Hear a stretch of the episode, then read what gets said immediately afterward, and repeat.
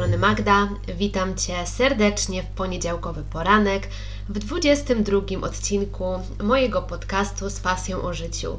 W moim programie poruszam tematy podróżniczo-lifestyle'owe, opowiadam o kulisach życia stewardess, a wiem o nim wszystko, bo sama nią byłam przez 6 lat.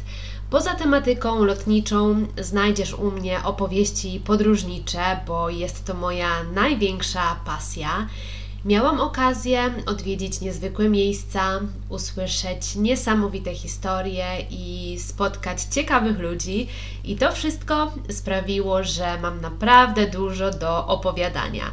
Mam nadzieję, że słuchając mojego podcastu, chociaż oczyma wyobraźni, będziesz mógł przenieść się w najbardziej egzotyczne zakątki świata oraz za pomocą moich podniebnych opowieści, chociaż na chwilę, staniesz się częścią świata lotniczego. W dzisiejszym odcinku ponownie wzbijamy się wysoko w powietrze i zapraszam Was za kulisy życia stewardess, a dziś opowiem Wam dużo o wadach pracy w tym zawodzie.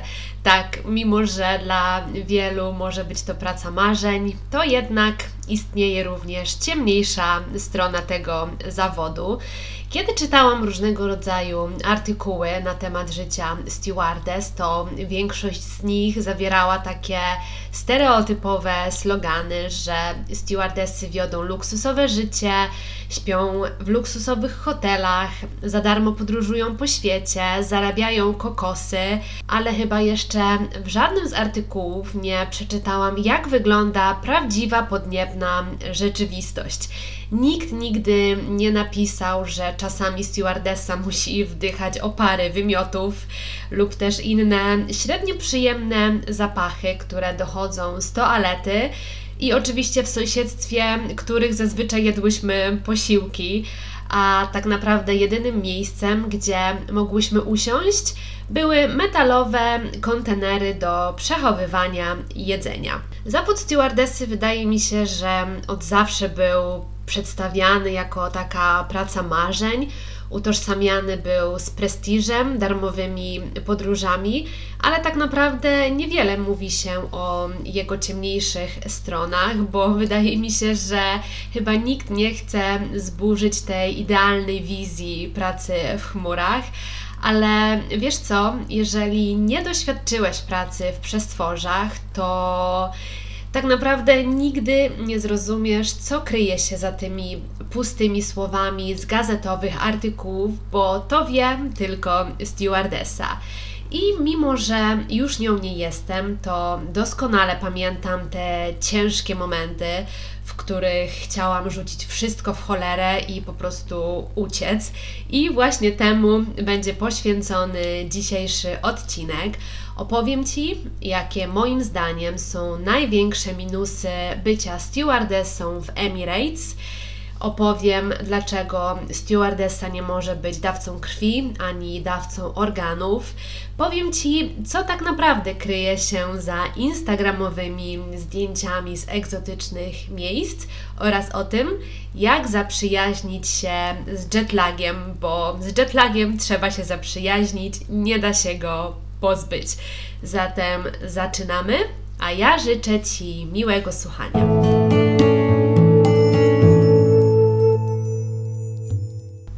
Przechodząc od razu do rzeczy, moim zdaniem jedną z największych wad bycia stewardessą było chroniczne zmęczenie, zmiany stref czasowych i ogólne takie rozbicie.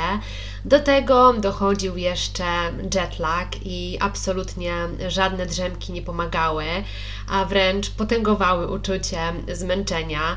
Wszystko było pomieszane, poplątane, bo czasami śniadanie jadłam o północy, a obiad o czwartej nad ranem i nasze najdłuższe loty trwały po 15-16 godzin, a gdy doliczyć jeszcze nasze obowiązki przed lotem i po locie, to wychodziło czasami ponad 20 godzin na nogach. I bywało tak, że po takim długim locie w miejscu docelowym lądowaliśmy o 6 rano. Słońce po prostu dawało po oczach, przechodziły mnie dreszcze ze zmęczenia. Marzyłam tylko o śnie, ale jeżeli prześpię dzień, no to wtedy co ja będę robić w nocy, więc nie spałam. A gdy już nadchodziła noc i wreszcie mogłam się położyć, to organizm wariował, nie wiedział, co się dzieje i po prostu z tego wycieńczenia nie chciał spać. Także widzisz, że życie stewardessy to życie jak w ciągłym kołowrotku. Jednak jeszcze gorszą rzeczą niż zmęczenie były nocne zmiany a w zasadzie nocne loty, tak zwane turnaroundy, czyli loty w TI z powrotem, bez pobytu na miejscu. To zdecydowanie była dla mnie największa wada tej pracy. I pamiętam jeden z moich ostatnich lotów, był to Nowy Jork, czyli jedno z moich ulubionych miast na świecie. I oczywiście chciałam spędzić w mieście jak najwięcej czasu, więc przed lotem zdrzemnęłam się może 30-40 minut i gdy już prawie zasypiałam takim głębokim snem, to zadzwonił budzik. Musiałam wstać, musiałam się naszykować na lot powrotny i do tej pory pamiętam, że było mi tak strasznie zimno, miałam czerwone, zapuchnięte oczy i aż chciało mi się płakać. I właśnie w takich momentach wiedziałam, że rezygnacja z pracy była bardzo dobrą decyzją, bo w ogóle zmuszanie naszego organizmu do snu było istną torturą. I tak na przykład, kiedy miałam nocną zmianę i lot, przypuśćmy, odbywał się o godzinie 21, co oznaczało, że o 19 musiałam być już w siedzibie firmy, czyli tak mniej więcej około godziny 17.30 musiałam się zacząć już szykować, a w domu na przykład byłam z powrotem o 12 w południe dnia następnego. I takie drzemki w ciągu dnia, czy wysypianie się na zapas przed nocną zmianą w ogóle nie zdawały egzaminu, bo organizm naturalnie chce spać w nocy, aby móc się w pełni zregenerować, a takie oszukiwanie go, że drzemka w dzień załatwi sprawę, nic tutaj nie pomoże. I na samym początku mojego latania było tragicznie. Nie byłam w stanie przetrwać takich nocnych zmian. Jednak potem z czasem organizm może nie to, że się przyzwyczaił, ale po prostu się poddał i już na maksa zwariował, bo nie wiedział jak się bronić. Więc kiedy nie spałam całą noc, organizm nawet się nie wysilał, żeby to zmienić, bo po prostu i tak wiedział, że nie wygra. I nawet jeżeli miałam kilka dni wolnych w Dubaju, kiedy przez kilka dni byłam na ziemi, to tylko dawało mi takie złudne poczucie wypoczynku, bo już po powrocie do pracy i odbyciu pierwszego lotu zmęczenie wracało jak bumerang i po prostu była to taka syzyfowa praca, bo nieważne ile odpoczywałam, i tak nadal byłam zmęczona. I pracując jako stewardessa całkowicie zapomniałam, czym jest regularny sen, sen dobrej jakości, bo raz spałam, dajmy na to 15 godzin, raz spałam 6 godzin, raz 2 godziny, a na przykład po raz kolejny nie zmrużyłam oka przez całą dobę. I najgorszą rzeczą także było lądowanie w Dubaju wczesnym porankiem po nocnej zmianie. Była to istna tortura dla organizmu, ponieważ moje oczy błagały o ciemność a w zamian dostawały jaskrawe, palące słońce wschodzące gdzieś tam daleko nad pustynią. Naprawdę momentami aż chciało się wymiotować, twarz była taka rozpalona, miało się wrażenie, że bierze nas grypa i mimo przypuśćmy, nie wiem, 50-stopniowego upału przechodziły dreszcze, bo człowiek osiąga stan takiego ekstremalnego wycieńczenia fizycznego, że jest to naprawdę najgorsze uczucie, jakiego w tej pracy można doświadczyć. Ale ja tutaj sobie opowiadam, ty sobie słuchasz, ale chciałabym może, żebyś mm, zrobił mały eksperyment, żebyś zrozumiał i poczuł, jak to naprawdę wygląda. Na przykład usiądź sobie na fotelu w środku nocy na 5-6 godzin tym czasie nie czytaj, nie oglądaj telewizji, po prostu nie rób nic. Siedź bezczynnie i patrz w ścianę albo w sufit, a jeżeli ci się nudzi, to możesz ewentualnie rozmawiać sam ze sobą i oczywiście pamiętaj, nie zamykaj oczu. I teraz pomyśl sobie, ile czasu uda ci się wytrzymać? Godzinę, półtorej? I jak się czujesz, kiedy powieki robią się coraz cięższe, a głowa leci w dół? I pamiętaj, że nie możesz zasnąć. I powtórz tę czynność przez kolejne dwie albo trzy noce. Istne tortury, prawda? I założę się, że marzysz tylko o tym, by dobiegły końca. I ciężko jest to wytłumaczyć w jakikolwiek taki obrazowy sposób, bo nie wiem, może słuchasz mojego podcastu podczas spaceru czy podczas robienia prania i pewnie myślisz sobie, no faktycznie, kurczę, musiała być zmęczona po tych nocnych zmianach. Ale póki nie przeżyjesz tego na własnej skórze, to ciężko jest jakkolwiek to pojąć, bo jeżeli nie wiesz, jak to jest pracować, kiedy inni śpią, to możesz jedynie się domyślać, jakie konsekwencje się z tym wiążą. I oczywiście to zmęczenie, nocne zmiany prowadziły do dość dużych problemów ze zdrowiem. E, ja na całe szczęście nie doświadczyłam niczego poważniejszego, ale wszystkie te nieustanne zmiany ciśnienia, start, lądowanie, start, lądowanie prowadziły do na przykład zablokowanych uszu, problemów z zatokami, ciało było napuchnięte, pojawiały się żylaki. E, Pojawiały się także masakryczne wzdęcia, mnóstwo odcisków na stopach, bo nasze buty były średnio wygodne. E, I także nie wiem, czy wiesz, ale podobno stewardessa nie może być dawcą organów, ponieważ przez nieustanne zmiany ciśnienia, promieniowanie, organy są naprawdę no, w nie najlepszym stanie i stewardessa także nie może oddawać krwi, więc to chyba wystarczająco tłumaczy, jak praca w przestworzach destrukcyjnie wpływa na zdrowie i niektórzy z członków załogi bali się dzwonić na chorobowe, więc przychodzili do pracy chorzy, przeziębieni, co zazwyczaj kończyło się barotraumą, czyli zablokowanymi uszami, co czasami mogło ciągnąć się w nieskończoność.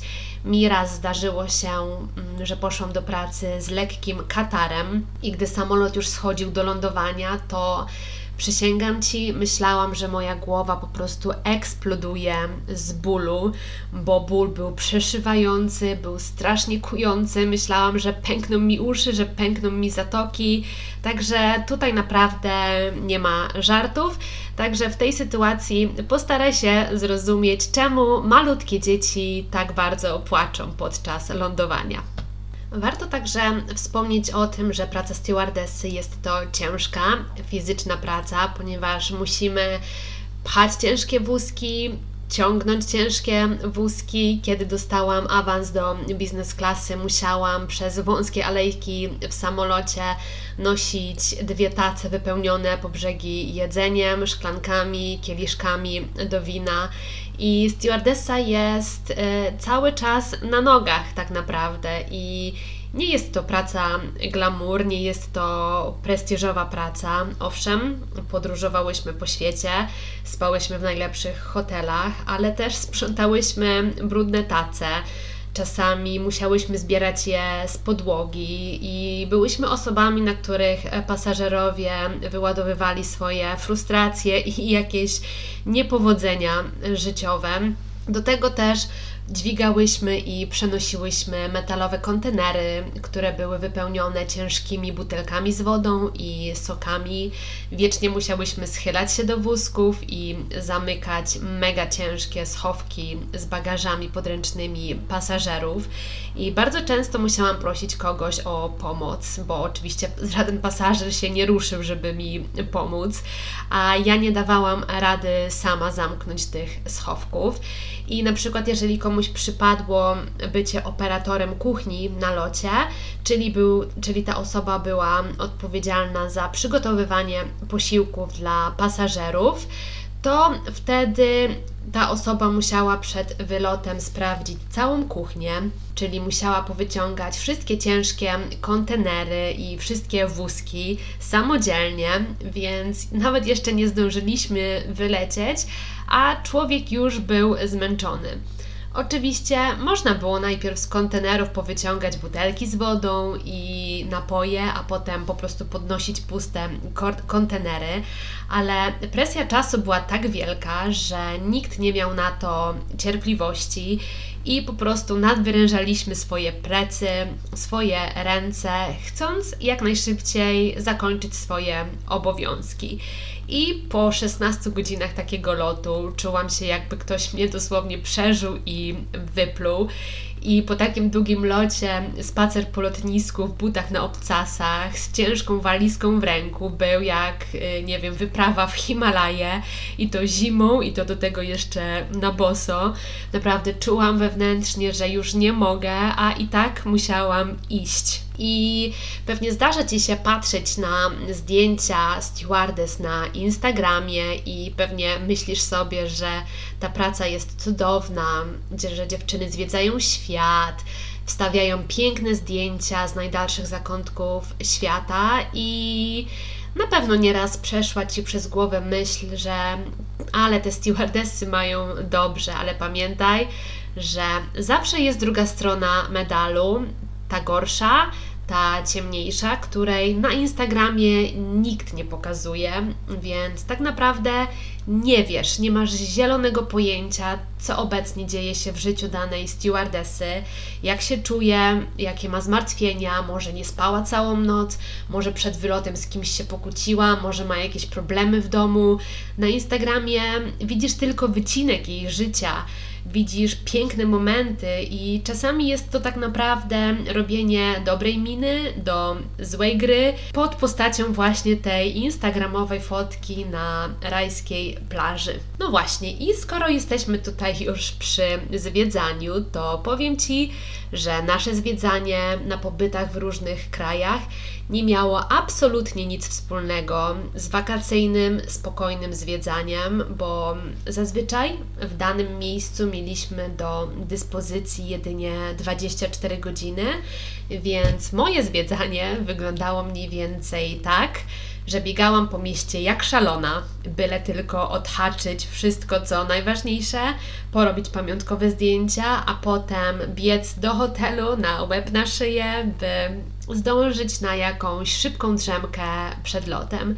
Nie było czasu, aby porządnie wczuć się w klimat miejsca, podelektować się, pospacerować w spokoju, bo cały czas gdzieś tam z tyłu głowy miałam to, że zaraz przecież muszę wracać do hotelu i szykować się na lot powrotny. Dlatego też przez większość czasu musiałam wybierać między zwiedzaniem i snem ale jeżeli byłam w nowym miejscu, to nie odpuszczałam i mimo, że czasami byłam wykończona, to i tak szłam zwiedzać.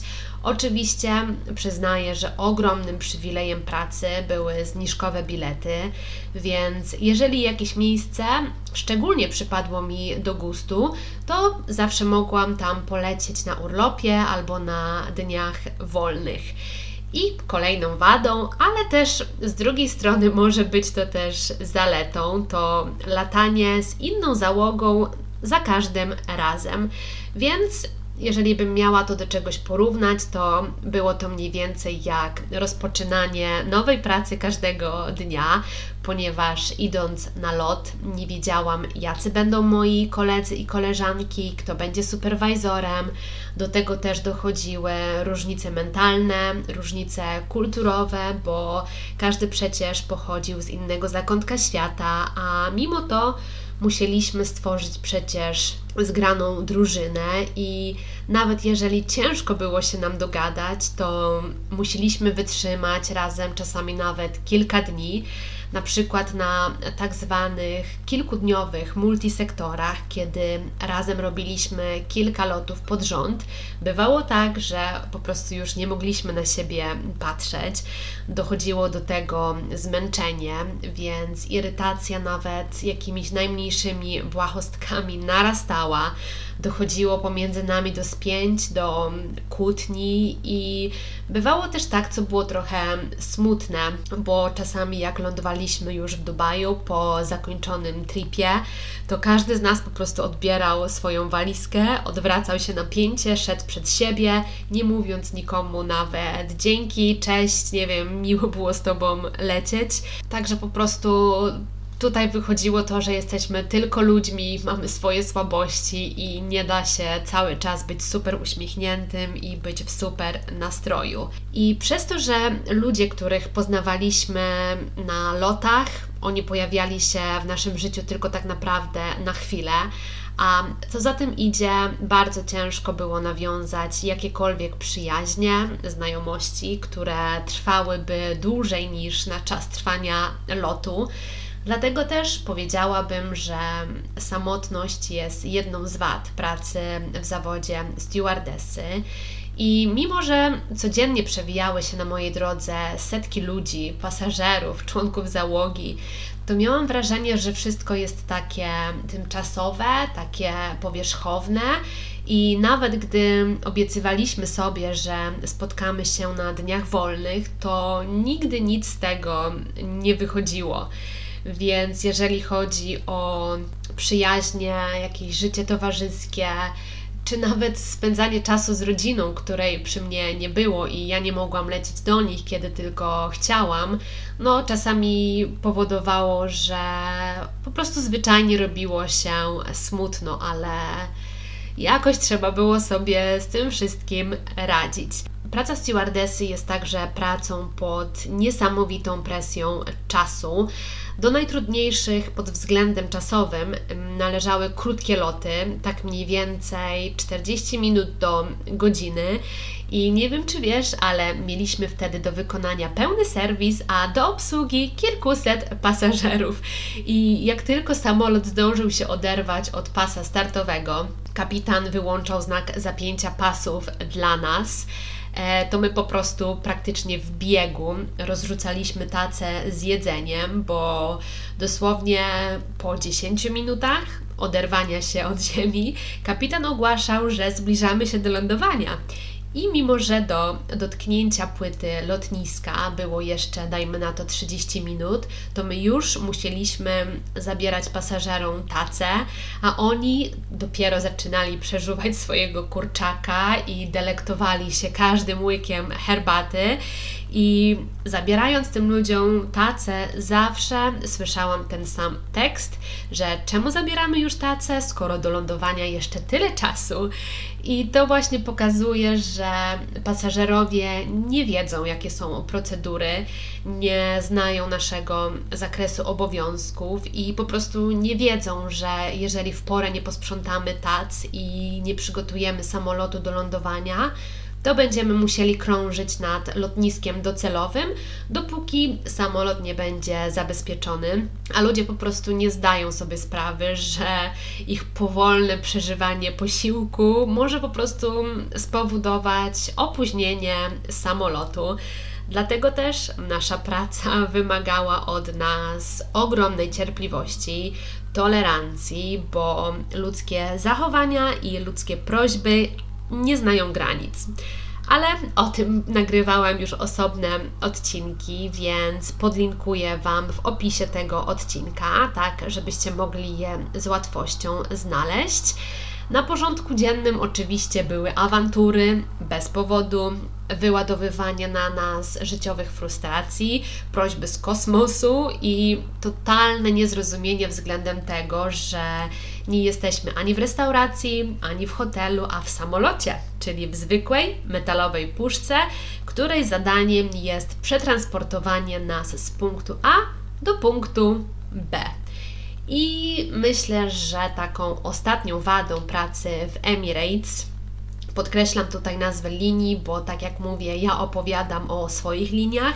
Nie wiem, jak się pracuje w innych, nie mam porównania, dlatego podkreślam jeszcze raz, że mówię tutaj o Emirates i niestety w tej firmie było brak zaufania względem pracownika. Oczywiście nie ze strony wszystkich, nie chcę też tutaj generalizować, ale miałam wrażenie, że non-stop jesteśmy kontrolowani, obserwowani, musimy się wszystkiemu podporządkować. Nie było możliwości wyrażania własnego zdania, nawet jeżeli chcieliśmy zrobić to w grzeczny i kulturalny sposób, to często było odbierane to jako atak i podważanie autorytetu superwajzora lotu. Duże zmiany w firmie były często wprowadzane za naszymi plecami. Nikt nie pytał nas o zdanie, stawiano nas przed faktem dokonanym, a jakiekolwiek próby buntu kończyły się stwierdzeniem, że jak Ci się nie podoba, to po prostu odejdź, więc sam, sam widzisz, że umiejętności jakiejkolwiek motywacji pracowników były tutaj na dość niskim poziomie. Cały czas słyszeliśmy, że jesteśmy tylko numerem, który z łatwością można wykasować z systemu i zastąpić, bo na nasze miejsce czekają setki, jak nie tysiące osób. Także sam widzisz, że praca w zawodzie stewardesy wymaga nieskończonych pokładów cierpliwości silnej psychiki i umiejętności dostosowywania się do wszystkich możliwych warunków pracy. Może gdy szliśmy całą grupą przez lotnisko, to wyglądaliśmy imponująco. Ludzie często oglądali się za nami, robili zdjęcia, zagadywali i miałam wrażenie, że w ich oczach byliśmy jakimiś stworami z kosmosu, takimi wiecie, ideałami, a tymczasem pod naszym makijażem, pod naszym mundurem kryli się zwyczajni ludzie. Ludzie czasami zmęczeni, ludzie samotni, ludzie, którzy przez rok nie widzieli swoich najbliższych. A nasze codzienne rozterki, nasze codzienne problemy maskował uśmiech, który mam wrażenie, że już po prostu na stałe zagościł na mojej twarzy. Myślę, że to wszystko na dziś. Daj mi koniecznie znać, czy po wysłuchaniu dzisiejszego odcinka Trochę może zmienił się sposób postrzegania przez Ciebie pracy stewardessy. Daj także koniecznie znać, czy dowiedziałeś się czegoś nowego. Mam również dla Was małe ogłoszenie, ponieważ mój podcast od niedawna jest dostępny także w aplikacji Empik Go, więc jeżeli korzystacie z tej aplikacji, to także w opisie odcinka zostawię Wam link bezpośredni do aplikacji. Dziękuję Wam serdecznie, że wysłuchaliście dzisiejszego odcinka, że poświęciliście mi chwilę w poniedziałkowy poranek. Oczywiście podcast tradycyjnie dostępny jest na Spotify, na iTunes, na YouTube oraz na spasjonożyciu.pl. Szykują się także nowe wywiady, nowe osoby, także aby być na bieżąco, wpadajcie na mojego Instagrama z pasją o życiu podkreślnik podcast, gdzie będę informować Was o wszystkim na bieżąco. A ja teraz uciekam na rower, bo jest sobota, piękna pogoda. Tobie życzę miłego poniedziałku i słyszymy się już w kolejny poniedziałek tradycyjnie o 8 rano. Miłego dnia, cześć!